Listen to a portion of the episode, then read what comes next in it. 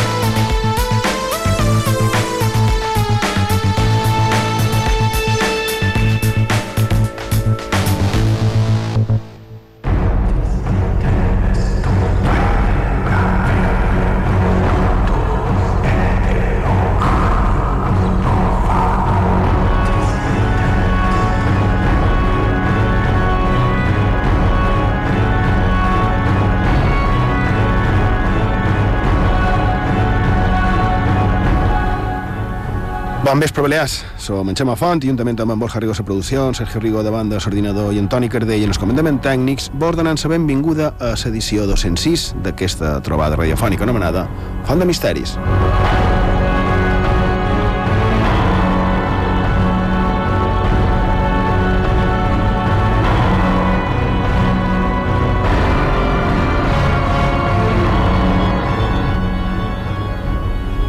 aquesta música que tant acompanya, no? I, i tal i com ja vàrem profetitzar, si, si se me permet la paraula, aquest dimecres passat va ser la famosa i, i per segons qui temuda superlluna blava de sang.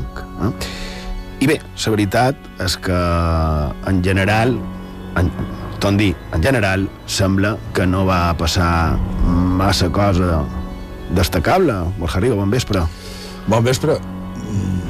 Qualque cosa destacable? De Jo diria que no.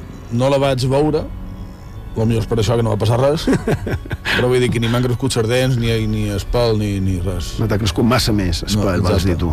Eh? Ni, ni aquestes barbes que, que m'ha dut Sergio Rigo, bon vespre. Bon vespre, Xema. Superlluna blava de sang, El mateix que en Borja, res de res. però no vareu sortir a goitar a mirar-la tampoc. No gaire. No gaire, no? Jo eh, era a Vila i estava a Eivissa i estava ennigolat i, i la veritat és que estava preparat per tractar de, de veure-la eh, des de, bé, a, a dalt Vila i, i no, no, en el final va estar, va estar ennigolat i, i vaig dir, "Vidal, bé, fins aquí. Uh, bé, i doncs sembla que, que efectivament no va passar massa cosa mm, no sé, d'aquestes profecies que vàrem comentar fa, fa un parell de setmanes, eh, tu, Toni, te va res, res destacable, no, també? Val. Encara que, eh, evidentment, com sempre, per a casos determinats sí que va ser un dia, un dia trist, no? un dia molt trist, com és, per exemple, per la poesia balear, perquè el passat dimecres va morir en només 42 anys el poeta ibicenc en Manel Marí. Descansi en pau.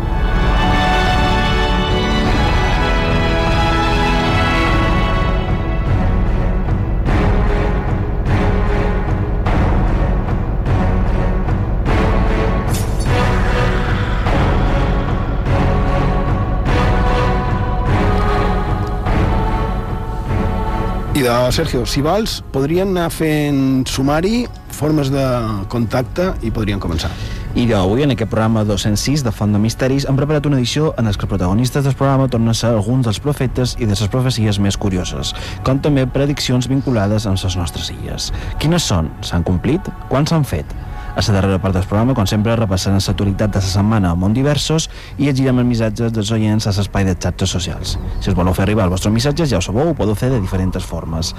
Primer, a través de Facebook i Twitter, cercant Font de Misteris i emprant l'etiqueta Font de Misteris i B3.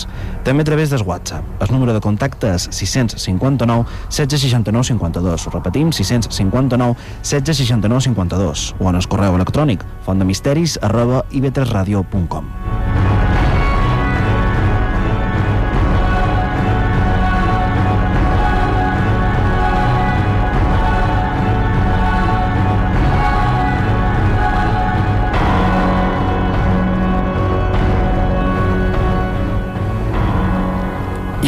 verdaderament és curiós com m'agrada es, es morbo, no? És molt interessant. I a vegades pens que també convidaria a la reflexió. Perquè què és més convenient? Saber o ignorar? No? Ja ha dit ara en Sergio Natsumari que avui tornarem a dedicar els gruix dels programes, tema principal, a parlar de, de profecies. I la idea inicial era eh, és fer-ho de profecies fetes a les nostres illes. Ja varen comentar coses la setmana passada, varen dir un parell d'exemples de situacions illenques on les profecies varen tenir importància, varen tenir rellevància. Per exemple, en Jaume I, o la mateixa Caterina Tomàs. I per què ho dic, això d'esmorbo?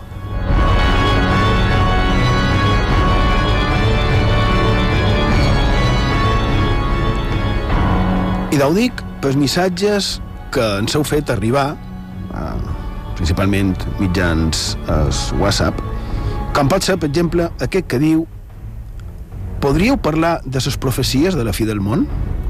O aquest altre, per quan és la fi del món? I bé, i, i un parell més semblants. I clar, davant d'això, un pensa que és millor saber o ignorar el que ens durà el futur.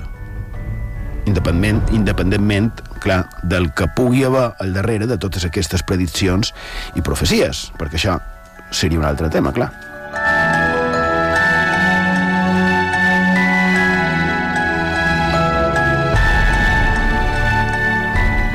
Però sí que pens que seria una bona pregunta no? per un debat el saber si val més saber o no saber el que ha de venir. Què penseu vosaltres? Borja Rigo, Sergio Rigo, no sé. Ara, aquesta, aquesta reflexió que fes, jo l'equiparava una miqueta a la famosa cosa de hi ha vida extraterrestre i si l'hi ha, per què no mos ho diuen si és que qualcú ho sap? És convenient, és a dir, què suposaria per la humanitat saber amb certesa que té una data de caducitat? Per exemple. Bé, però sabem que tenim una data de, de, de caducitat. Clar, però és molt llunyana, com a persones. és molt, com a no, persona no, sí, clar, com a individus. però clar, final no, no tenim la certesa absoluta de, de dir tal dia que educam i mos morim. Eh, Exactament. Per això... Jo sincerament prefereix no saber. És a dir, quan arribi, arribarà i, i ja està. No, jo dic pel tema de, de l'atractiu de, del tema que estem tractant, no? del tema de les profecies, aquestes ganes de saber, o aquesta gent que se'n es, eh, que, que, que fan mitjans sistemes d'endivinació, digueu-li tarot o, o el que vulgueu, perquè n'hi ha de tot tipus, ja qualque dia parlarem d'aquestes, perquè crec que tampoc hem parlat mai de tarot, però, però hi ha molt de sistemes, no sé, el nostre tècnic d'avui, Antoni Cardell, no sé què pensa, si és millor saber el que mos ha de dur el futur, o per altra part penses que no. Val. Jo també crec que és millor preparar per tenir un bon futur, però tractar d'ignorar el que no mos cau a sobre, no? el, que, el que pugui ser. El tema de la vida extraterrestre, Borja Rigo, crec que no en hauria ara aquest, aquest calaix, perquè no, no acabaríem mai. I de vinga, que avui, a Font de Misteris, com ha dit en Sergio, més profecies referides directament a les nostres illes. Petita pausa i tot i no continuem. A IB3 Ràdio.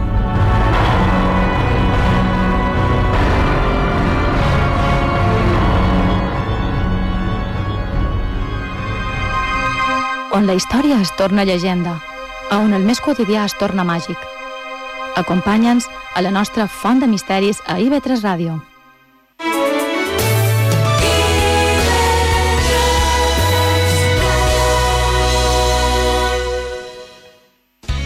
Embárcate con Balearia y Alcún Viajes a Barcelona. Reserva ya desde 20 euros por persona, solo ida en acomodación butaca y con tu coche desde 86 euros. Balearia y Alcún Viajes. Tu viaje es el destino. Algunes flors per aquesta setmana. Jur Van Stein, la primera. Una acció ambiental pot esdevenir una representació artística. El Manco, aquesta és la visió d'aquest artista. Ànima de les jornades El arte no és un desperdicio. Vos el presentarem. I l'accés a un habitatge en condicions a les grans ciutats dels països en desenvolupament es fa difícil i milions de persones neixen i creixen a barraques. Diumenge conversarem amb un arquitecte compromès amb les societats que ho estan tenint més difícil, un referent en l'urbanisme que s'obre pas per ajudar a fer d'aquest món un lloc millor. Ell és en Jordi Sánchez Cuenca. David Oliver et convida a escoltar Flors en el desert, diumenge a les 9 del matí a IB3 Ràdio.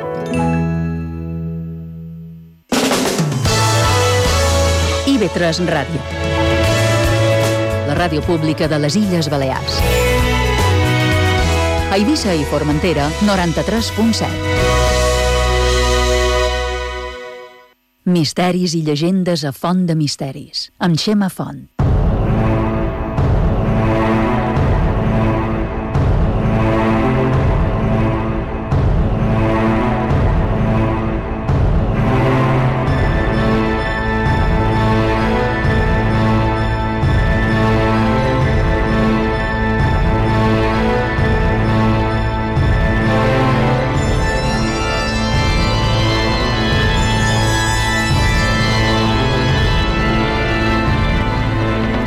Seguim a Font de Misteris, a la sintonia i altres ràdio, la ràdio pública de les Illes Balears.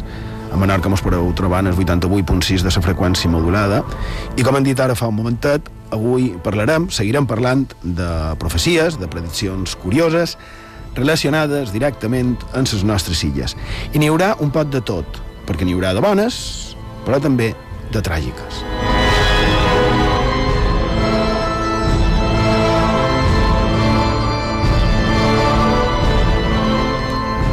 O sigui, un, un altre comentari que, que ens heu fet i que també va fantàstic per donar peu en el que volen comentar per començar, és que gràcies a l'excusa, en aquest cas, de les profecies, també a Font de Misteris repassam una miqueta la nostra història.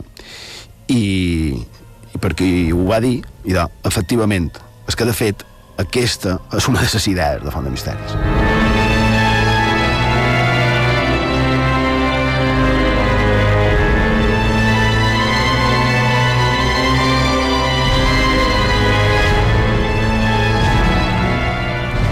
Bé, començam. La setmana passada citàrem, entre d'altres, a un dels personatges més fantàstics, llegendaris i, i fascinants, sens dubte, de la nostra terra.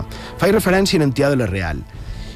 I encara que no era un religiós, com a tal, ni, ni molt manco, com d'altres que sí, però ell no, sí que té relació amb tot allò que es refereix a fenòmens sense massa explicació, fenòmens, no sé, podrem dir en aquest cas rondellístics, misteriosos, màgics, paranormals, i que normalment trobam atribuïts precisament a personatges religiosos, com per exemple el pare Catany.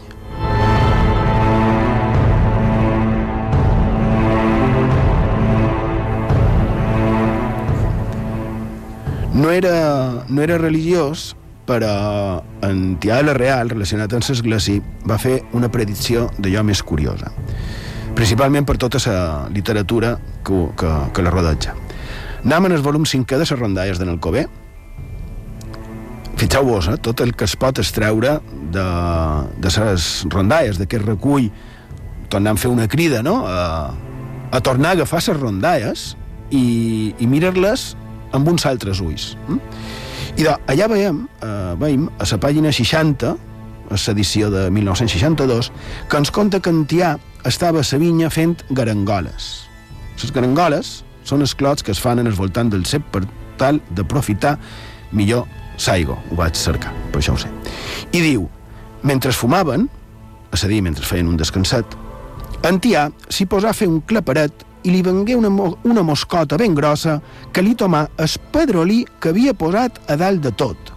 I els seus companys li demanaren «I ara això que ha passat què vol dir?» I ell, tot enigmàtic, respongué que al cap d'un any i un dia ho contestaria. Passà l'any i trobant-se allà mateix li tornen demanar per aquell fet i li demanaren que expliqués què volia dir. I ell respongué «I do significava lo que vos dirà aqueixa dona cara bé. Demaneu-li què hi ha de nou per la vila? Li demanen i ella diu Maldament no hi hagués tant. Han tret en els allenistes, en allenistes.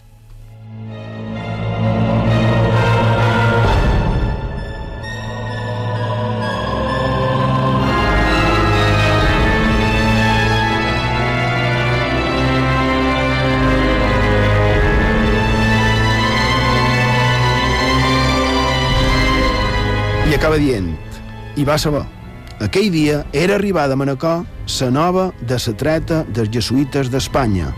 Era dins les mars de l'any 1767, temps de fer garangoles.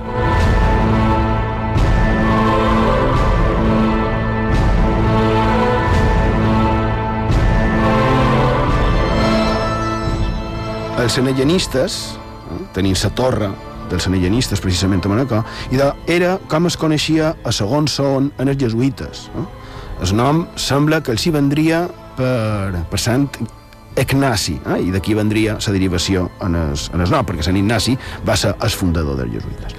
Però fixeu-vos que de coses, a les rondalles, eh? fa un claperet i posa un pedrolí a dalt i la simbologia de que una mosca li toma la pedra de dalt sembla el, motu, el, el motiu per dur a terme una predicció.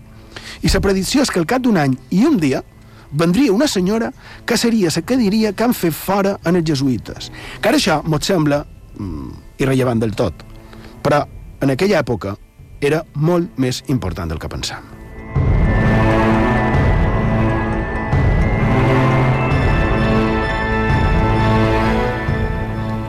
Ah, i també una altra coseta que podem extreure d'això, i és que feia un claperet.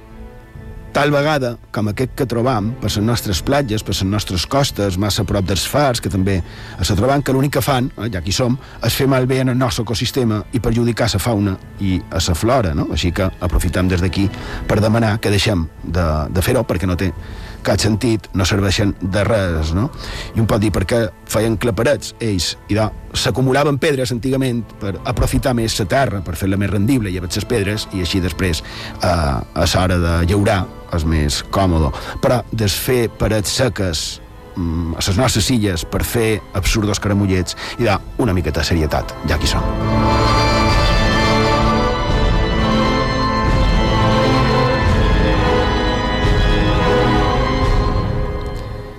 I d'Antià de la Real dient que fan fora en els jesuïtes i, i han comentat que, que les seves capacitats, les d'Antià de la Real, aquestes capacitats misterioses, eren comparables eh, a les d'un d'aquests altres fascinants personatges. Es pare aquest any, Borja.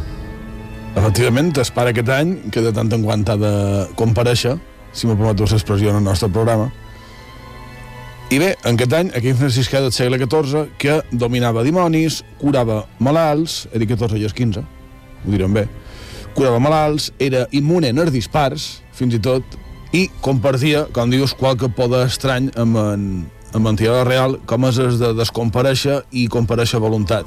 I també va fer profecies. N'hi ha una de curiosa que té a veure amb els membres de la seva ordre, és a dir, franciscans. Va dir que mai és històric cap franciscà que hauria ses mans dels pirates moros del Mediterrani. Però va ser una profecia amb una particularitat. Perquè fos vàlida, atenció, aquests franciscans haurien de fer aquest viatge pel Mediterrani prèvia autorització dels seus superiors. En cas contrari, no tindria validesa. O sigui, aquesta, pro aquesta profecia, sense autorització de superiors, deixaria de ser una profecia. És a dir, un viatge de feina sí que seria vàlid, a lo millor un viatge d'oci no tant. és, és, és curiós.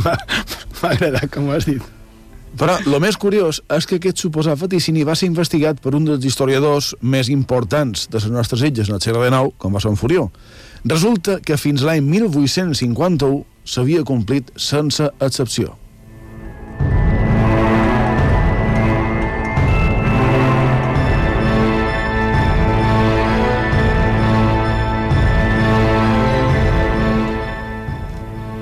I aquesta que, que has comentat, a part de lo de que sigui per, per anar per feina, eh? però això de referir, eh, referit a salvar-se de ser fet captiu, trobo que és molt interessant per, per ser comparant-se amb un altre, no? Molt semblant, però amb un altre personatge que mos entraria a l'escena d'aquestes profecies. No? Efectivament, un altre punt relacionat amb profecies, i en aquest cas a la mà, lo trobam a un màrtir mallorquí, també ben ple d'enigmes i misteris, com ser en Pere Borguny, mort cremat al G l'any 1654 en només 26 anys.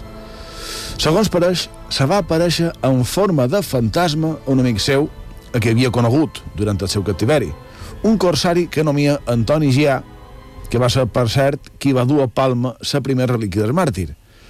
Una mà que va estar exposada en el convent de la missió.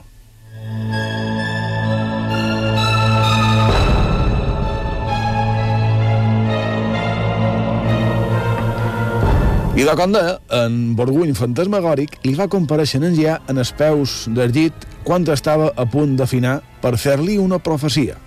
Li va assegurar que mai cap membre de la seva família que hauria captiu dels pirates. I, fins mitjan segle XIX, tornant a Furió, també s'hauria complit.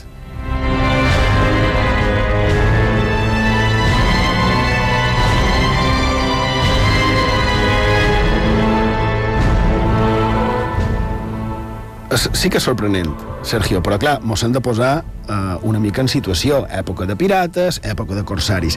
I referent, referent en aquesta darrera profecia, qualque dia la vull, la vull ampliar, no serà avui, però sí que gossaria afirmar que de tots els centenars de descendents d'en Guià, dels quals a les nostres illes n'hi ha un bon grapat, al Manco, fins finals del segle, dels anys 60 del segle XX, Borja, tu has parlat de mitjan del segle XIX d'en Furió, ja me'n vaig més endavant en els temps. Un segle més endavant. Un segle, exactament. Un segle després, és a dir, fa, fins fa 60 anys, de, se suposa que de tots els centenars de descendents sembla que mai havia fallat aquesta profecia que és més ampla de lo que tu has dit.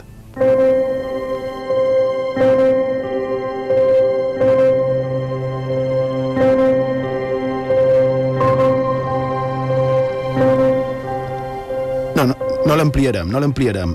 El que farem serà una crida en els hereus dels corsaris ja per si volen contar en antena aquesta fascinant història relacionada amb en Pere Borguny.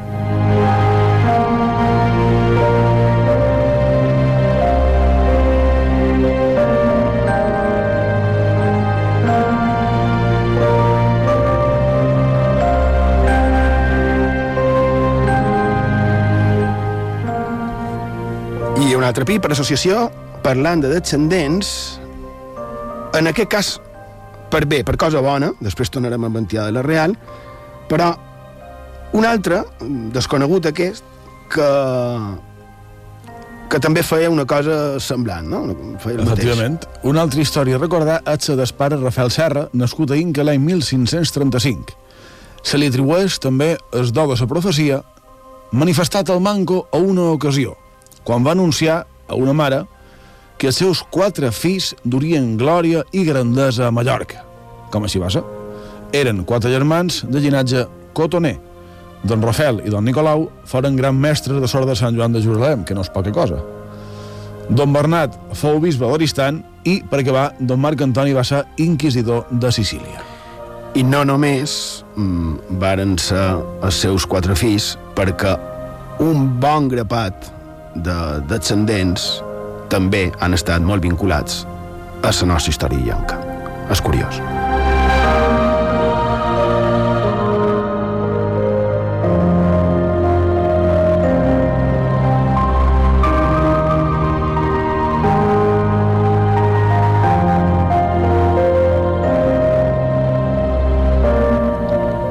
Per cert, recordar per si qualcú té curiositat que el cos d'aquests dos grans mestres de Sort de Sant Joan estan enterrats aquí a ciutat dins una iglesia, no direm quina, per si qualcú ho ha d'investigar. Els cossos de Don Rafael i Don No, Nicolau. es, es cos, no els cossos. Només el cos. Mm. És curiós. Has plantejat una dubte molt estranya, ara.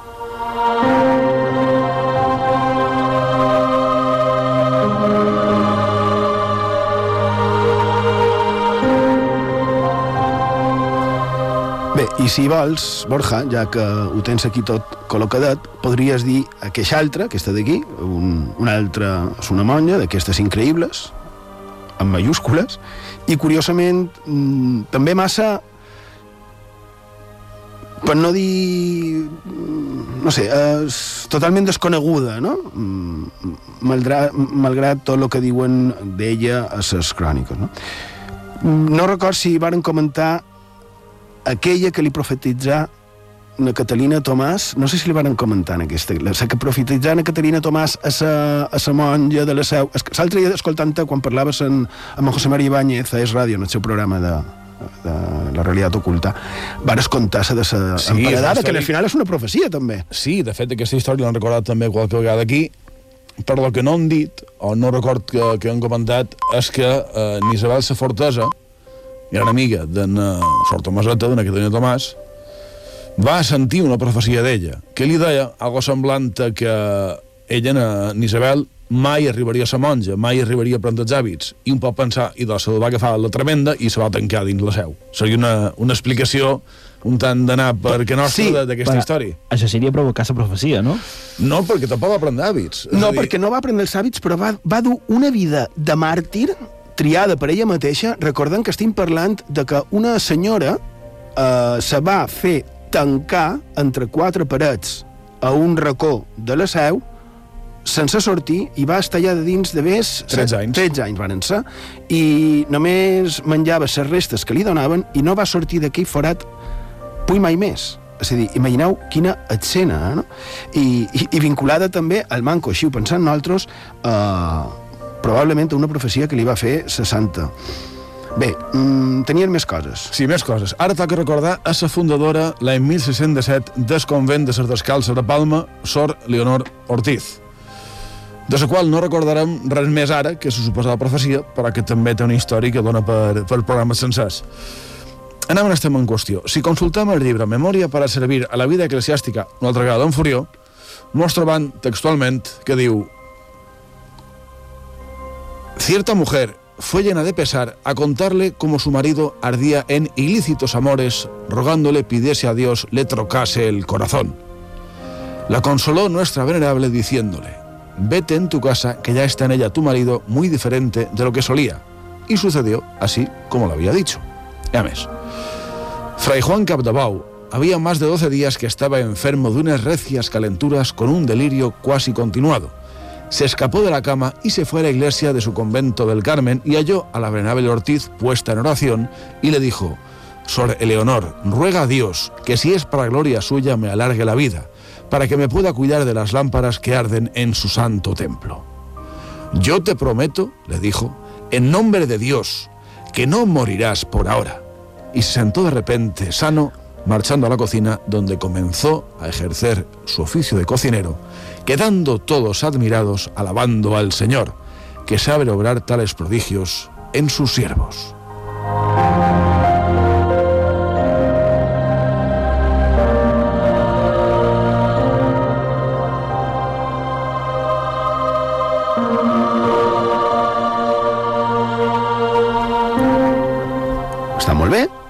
En aquest cas va ser profetitzar que viuria i que es posaria bo, i fixa-t'hi, va, va arrencar a córrer, com qui diu. Però tancant un poc el cercle no? i tornant a Nantià de la Real, i atenció, també a les rondalles, eh? en trobam una altra, una altra contarella, que, la veritat, que voleu que vos digui, és molt tràgica, però de les rondalles estic dient, eh? però molt, ara veureu.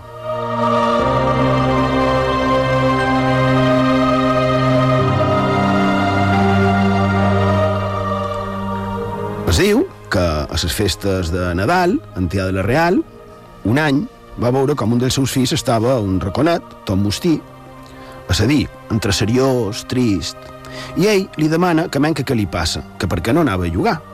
I el nin li contesta, no tem mal·les. A la que son pare, és a dir, en Sebastià Gelabert, conegut com Tià de la Real, el que fa és que li dona uns, un tot bes, un diners. I sa mare, sa dona d'en li diu, vaja, bona ensenyança dones en aquest àngel, on s'ha vist mai enviant-lo a jugar i encara dona-li una traceta. Traceta és, era un tipus de, de moneda. Perquè, clar, el nin deia que no tenia mal·les, imagina que ho devia dir, probablement, per jugar eh, en aquell lloc que era a base de, de mal·les, i clar, donar-li dos bes perquè nin se queixa que no té mal·les, eh, era una capritxada, encara que estiguem en el segle, en el segle XVIII, és, és el mateix. Però li contesta Antià de la Real. Que llugui! tanmateix, per el que li queda de vida,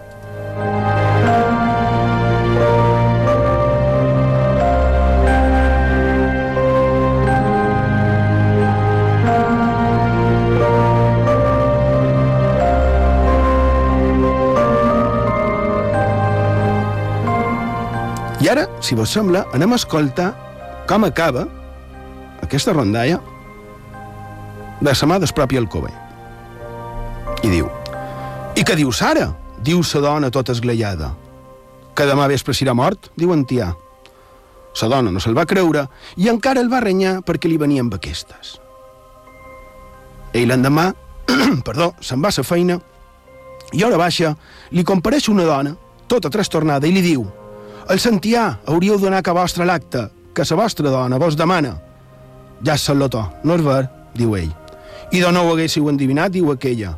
«Que ja és mort», diu en Tià. «No ho era quan som partida», diu sa dona, «però si no atropellau, no et miraria gens de que ja no el trobàssiu viu». Se n'hi van ben atacats i encara ho va ser viu, però dins una estoneta va badallar. I tothom plors i des cap d'ell podeu pensar. Clar,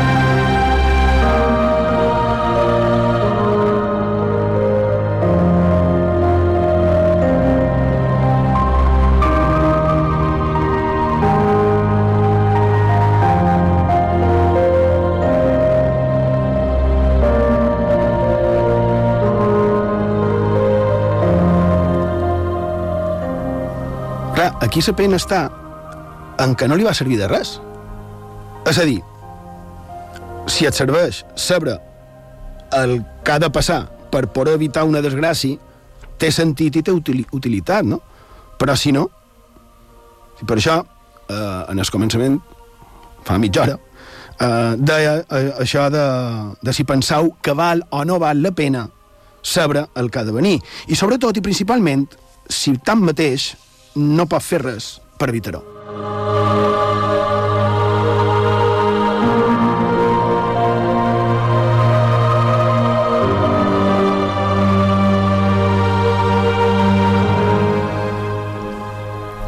En aquesta història me, me recordava que avui en dia, dins el món de, del còmic, dins el món de sa, del cinema, de la televisió, els superherois, estan molt, molt de moda, no? Hi ha molta reflexió damunt d'això de, de que de què serveixen aquests superpoders si, per exemple, no pots salvar a qui estimes. I això que mos pareix tan nou, mos pareix de, del segle XXI o al final del segle XX, ho tenim a un senyor que va viure al segle XVIII i unes rondalles que se van recopilar a final del segle XIX. Exactament. Que això és el que trob, que és preciós, i, i per això sempre recomanem tornar a agafar a Borja uh, i Sergio Clar, perquè, aquestes historietes. Clar, i un també pensa, tenir aquestes superhabilitats que tenien Tirà Real, no te van recordar, eren un benefici o eren una maledicció.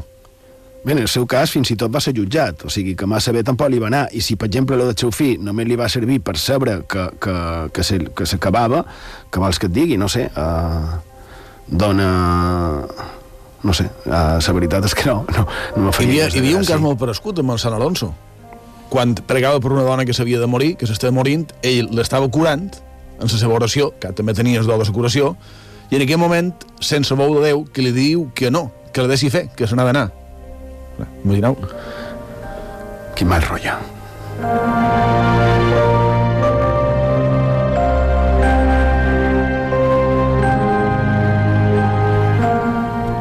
Encara que, encara que, suposadament, també podem trobar casos de gent que ha tingut premonició de coses que havien de, so de succeir i que per aquest motiu s'haurien salvat d'una desgràcia.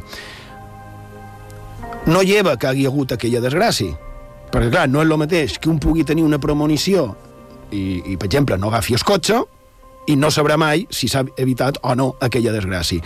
Estic parlant de, per exemple, quan hi ha accidents d'avions, que sempre, eh, sempre se sol dir de qualcú a part estan els que s'han salvat per casualitat de la vida. Ara, per exemple, record eh, un cas que vàrem entrevistar Nahuel Sibieski i jo eh, a Sant Josep, eh, a Sant Josep de Satalaia, que el testimoni es va contar que es varen salvar per arribar tard a agafar el vol que els havia de dur de tornada, sí senyor, els havia de dur de, de tornada per passar Uh, o sigui, un pic acabat el Nadal, estem parlant de l'any 73, un pic uh, passat els Nadals tornaven de la península um, cap a Eivissa. Faig referència en el fatídic vol que va, acabat, va acabar estavellat contra Roques Altes, eh, més de 100 morts.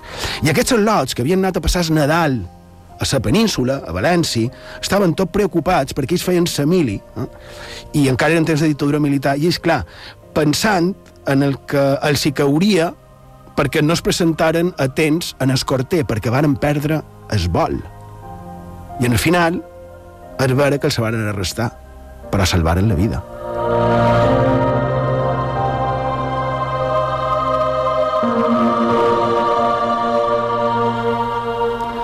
Però aquests, mm, tal vegada va ser una casualitat que els hi va fer perdre aquest vol que els hi va fer guanyar sa vida. Però jo ho deia per aquells que fan una predicció de que hi haurà un accident o una desgràcia i els hi serveix per salvar-se. Pàgina 58 del llibre Naufragio en el Caribe, la odissea d'unos ibicencos en el Valvanera, d'en Michel Ferrer, i se'ns parla de, bé, del naufragi del vapor Valvanera, que era un vaixell que feia la ruta que juntava Espanya en Sud-amèrica, mm, era l'any de nou, de segle XX, i aquest vaixell es va enfonsar. Varen morir entre 450 i 500 persones. Estem davant de la major tragèdia marítima civil espanyola de la història. I segons diu l'autor del llibre, llibre que fa referència particular a la desgràcia relacionada amb les pitiuses, per a la pàgina 58 ens diu que hi havia una família canària, sa mare, una Paula Zumalave, i quatre fills que s'embarcaren a les Palmes. I entre els fills, una nina, Anita Pérez Zumalave, de 5 anys, que semblava que era com a molt viva. Y segons diu el cuando su madre realizaba los preparativos del viaje, manifestaba gran repugnancia y oposición a embarcarse, porque según decía, el buque se iba a hundir. Ante la insistencia de la niña, su madre la amonestó para disuadirle de la idea, pero el mismo día de su embarque, en el muelle, la niña, ante su madre y las personas que habían acudido a despedirla, volvió a decir, llorando amargamente, Mamá va contenta, pero yo no, porque el vapor va a hundirse.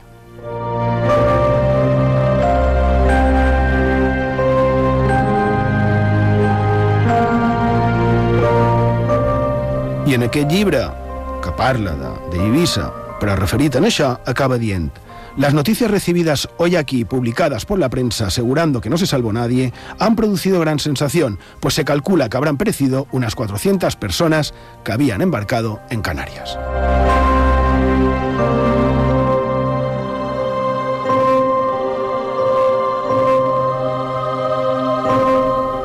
Està clar que això és una, una còpia, una transcripció d'un retall de premsa de l'època i clar, un pensa en, en aquella nina que afirmava que, que aquell vaixell, que aquell vapor s'enfonsaria. I li va servir de res aquesta advertència, advertir-ho? Va servir a qualcú la seva actitud i tant de cridar i no voler de cap manera pujar en aquell fatidi vaixell?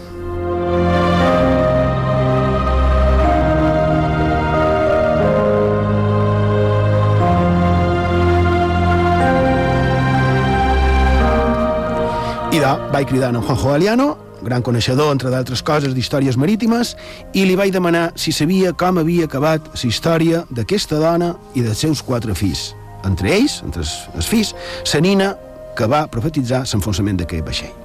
I el resum del que, de, que, de lo que em va dir, ell ho va consultar, entre d'altres, a publicacions, com no, d'en García Chagoyen, i de, el resum és que aquella nina, coneguda com la cojita del Valvanera, tenia qualque problema una camp, es veu.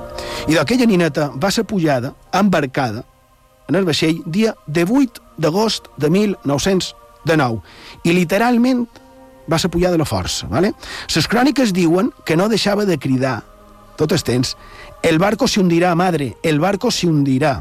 I així tot el dia i durant tota la travessa, eh, tot l'Atlàntic, diguen d'això. Havien d'anar de Santa Creu de Tenerife fins a l'Havana, a Cuba, perquè ja els hi esperava el pare de les criatures. Però la nina es va posar tan pesadeta amb això de que el vaixell s'enfonsaria que sa mare va decidir desembarcar tots cinc, ella i els seus fills, a Santiago de Cuba, que està en el sud-est de Silla, i que ells anirien per terra fins l'Havana, eh, que està en el nord-est.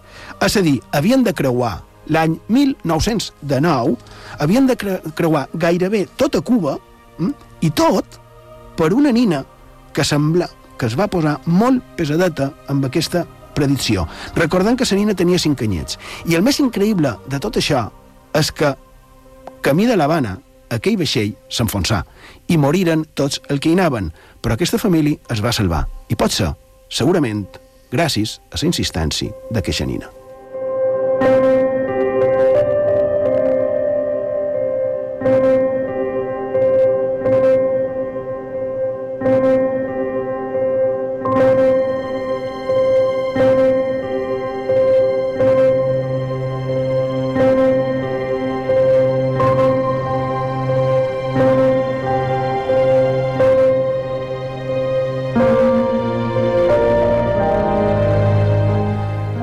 Ja per acabar, eh, i amb aquest home del que parlàvem abans, d'Antià de la Real, mm, la setmana passada vàrem dir, només vàrem citar, que ell, com d'altres, eh, havien profetitzat la seva mort. Eh?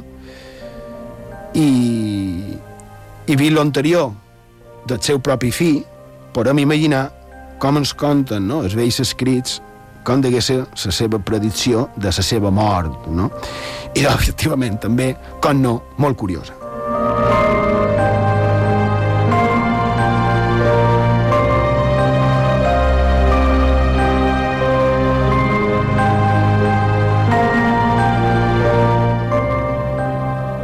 Tenim ja un tià de la Real, una miqueta major, no molt.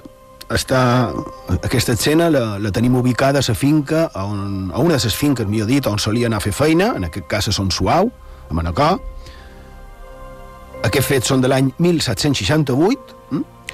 i el cas és que en només, ara només, segle XVIII en una miqueta més, no? però ara només 53 anys, se'n va a l'amo de la finca i li diu que per tal dia havia de tenir un altre llaurador de bous per substituir-lo a ell.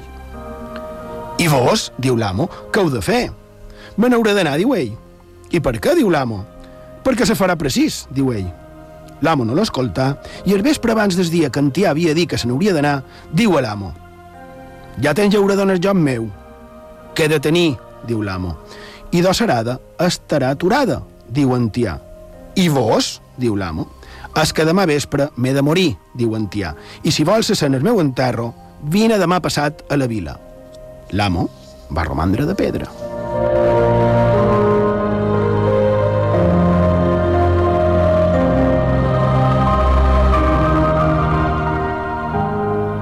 Dit això, en Tià plega les coses que tenia i cap a la vila man caient. I a més, anava despedint-se de tothom. Arriba a la vila, entra a casa seva, diu a sa dona que no està gens fi, se colga i l'endemà ja no s'aixeca. Comença a posar-se malament. Criden en el metge, que com el veu diu.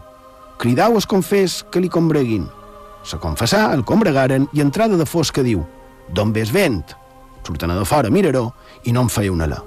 Entren i li diuen No res, diu ell.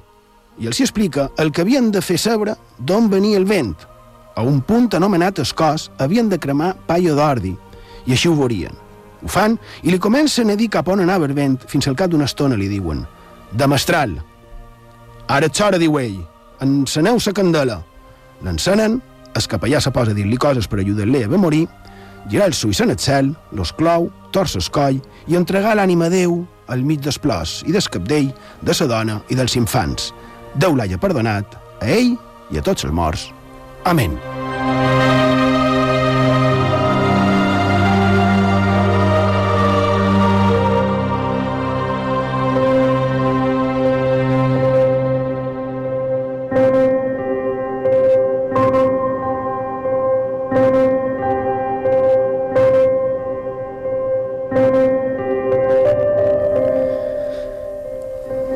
Ara en Borja comentava més si podria ser... Podem... La plaça d'Escós, La plaça d'Escós. Massa cèntric, per Sí, ventura. eh, a la rondalla diu que estava eh, a la sortida del poble en el segle, en el segle XVIII. Bé, com sempre, en Sergio senyala el rellotge, com sempre ens queden coses per dir. Podríem seguir, crec, la propera setmana amb aquestes precisament de la fi del món, també particularment de la fi del món a la nostra terra, a les nostres illes, que també n'hi ha que diuen que les nostres illes s'acabaran malament, quin dramatisme. Ah, bé, no, no, la setmana que ve farem qualque coseta més, més especial. No ho trobeu? Qualque Com cosa- vendria. Com Com vendria, no? sí, sí, Com sí. perquè dia 9 de febrer de 2018 es compliran 5 anys des de que començàrem aquesta aventura radiofònica anomenada Font de Misteris.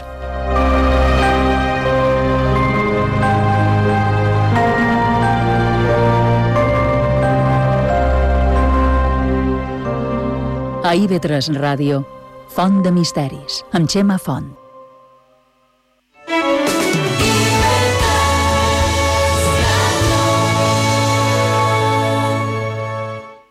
Cada dia, a l'informatiu matí, Cada dia, 10, eh, cada dia, eh, miri, miri, miri, però bon. de dilluns a divendres, quan manquen 5 minuts per les 9, No me'n vaig, soc qui torna. arriba la Picolíssima. Exactamente. Una secció adaptada a les noves tecnologies Sígueme en Twitter, Twitter, Facebook. Sígueme en Instagram. i de solvència contrastada. De bon de veres. A casa de la Picolíssima són uns cracs. Però ja sou un cracs. Sí, jo crec que és un bunyol. En español, por favor. Buñuelo. Es la mezcla más curiosa de amor y odio que he tenido el privilegio de contemplar. La Picolíssima, M'encanta. a l'informatiu matí d'IV3 Ràdio. Què vos agrada? Què vos agrada vendre motos? Yes.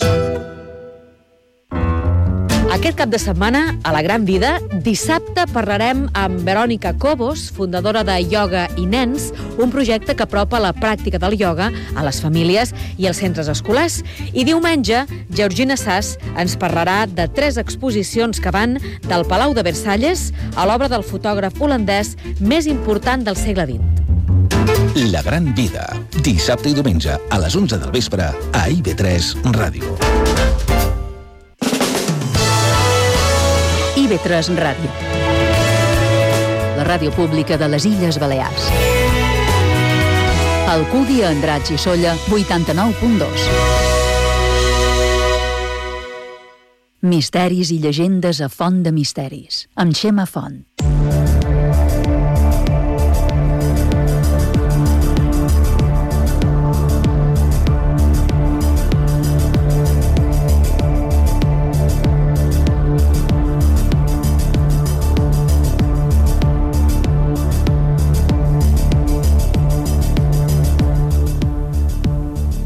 Seguim a Font de Misteris, a la sintonia d'IV3 Ràdio, les pitiuses mos podeu escoltar en el 93.7 de la freqüència modulada. I bé, tenim res, un parell de minutets per comentar eh, aquestes notícies d'actualitat que ens redolten i que trobem que són idients pel contingut del programa. Eh, ara en Borja deia, de, mensificàvem la d'en Chopin d'Escó, que li varen fer l'autòpsia, per lo que has dit abans dels corets dels senyors cotoners. No podem, podríem ficar aquesta, que és d'aquesta mateixa setmana, per si no després se mos acumula, ja quedarà antiga. I ja que hem parlat de vaixells, Sergio Rigo, Norbera. Sí, seguim amb vaixells perquè aquesta setmana el país han llegit que hallado un barco de la antigua Roma que naufragó en Baleares hace 1800 años. Un equipo de arqueólogos ha descubierto un barco de la antigua Roma que naufragó frente a las costas de la isla de Cabrera en Baleares hace unos 1800 años. El pecio se encuentra a 70 metros de profundidad y fue explorado y fotografiado en detalle por dos buzos profesionales en octubre de 2016. Los responsables del hallazgo creen que muchas de las ánforas que portaba el navío están aún en su posición original y que el yacimiento ha permanecido a salvo de los expoliadores todo este tiempo. El barco está enterrado bajo las ánforas. És fantàstic. És a dir, que en aquestes illes, si m'ho permeteu dir així, sobretot eh, principalment a l'estiu, massa saturades, però que encara se facin aquestes troballes, que encara tampoc se sap ben bé què hi haurà allà de dins, a part d'aquestes àmfores. No sé, a on se mos va escap, evidentment, a sa, a sa màquina d'anticitera. Efectivament. mm, pot ser Uh, es, Vos imagineu? en es, que en aquest peci pot ser que encara se trobi qualque cosa, no? qualque cosa que no té, si, si mos, mos ho permeteu dir així, que no té massa explicació per coses de fa 1.800 anys. Jo crec que és fantàstic i que, i que és fascinant i com sempre deim, no? que això mos convida a, a seguir, per què no dir-ho així, a seguir somiant.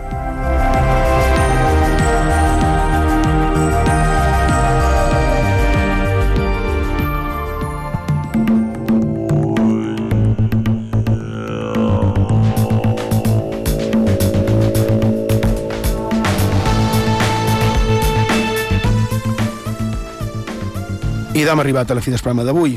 Esperem que hagueu passat una estona agradable i que hagueu pogut treure qualque cosa de profit d'aquesta font de misteris. I no sé si coneixeu aquella historieta que diu que temps enrere un home li diu a un rei no? d'aquests de Rondalla que ell era capaç de fer parlar un assa. El rei no li creu, clar, Ell li diu que sí, que pot, que se'n dubte, sens dubte és possible, però cada menester temps i tranquil·litat per poder fer-ho. El rei aquest, en la seva supèrbia, li diu que què és el que ha de menester. I aquest home que havia de fer per la sassa li diu «Me tornaré uns 20 anys, i mentrestant hauré de viure a Palau en totes les comoditats». «Heu fet», li diu el rei, «fent barrina sempre que acceptis que si quan faci 20 anys i un dia, si no has aconseguit fer per la sassa, posaràs el cap sota la destral del botxí, perquè et faré te ascoll». Facis així com vostè diu, li va contestar el que havia de fer per la sassa. I un amic d'aquesta mena de, no sé com dir-ho, de pedagog, li va demanar escolta, que no tens por que quan vegin que no has aconseguit fer per la sassa te tallin el cap. Ets molt valent, ets molt agosarat o, o estàs sonat, no? I ell diu, no, perquè d'aquí 20 anys, quan s'acabi el plaç que m'han acceptat, si encara ni el rei ni jo som morts, el que sí que ho estirà serà Sassa, que a dia d'avui ja té els seus senyats. I ja ho sabeu, sovint, endivinadors, profetes i semblants, el que fan és jugar precisament en aquest lloc. No? Ens, fan, ens fan creure coses que des d'un punt de vista objectiu no es compliran, per lògica. Però després els motius que alegaran de no haver-se fet realitat la seva fatilleria o endivinació serà per altres causes. Per això, dins aquestes utopies de gairebé la mitjanit del dissabte i vetres ràdio, no sé, jo demanaria que no ens deixem embaradir, que no ens deixem estafar, no fassem com aquell rei, vertader asa d'aquesta història, que vos puc ben assegurar que mai no va arribar a veure parlar aquell asa. En el final, no hi ha altra opció. Per arribar a demà han de passar per avui. Mañana empieza hoy. Mago de Oz. Allí Pau. Bona nit. Gràcies per la vostra companyia i fins la setmana que ve.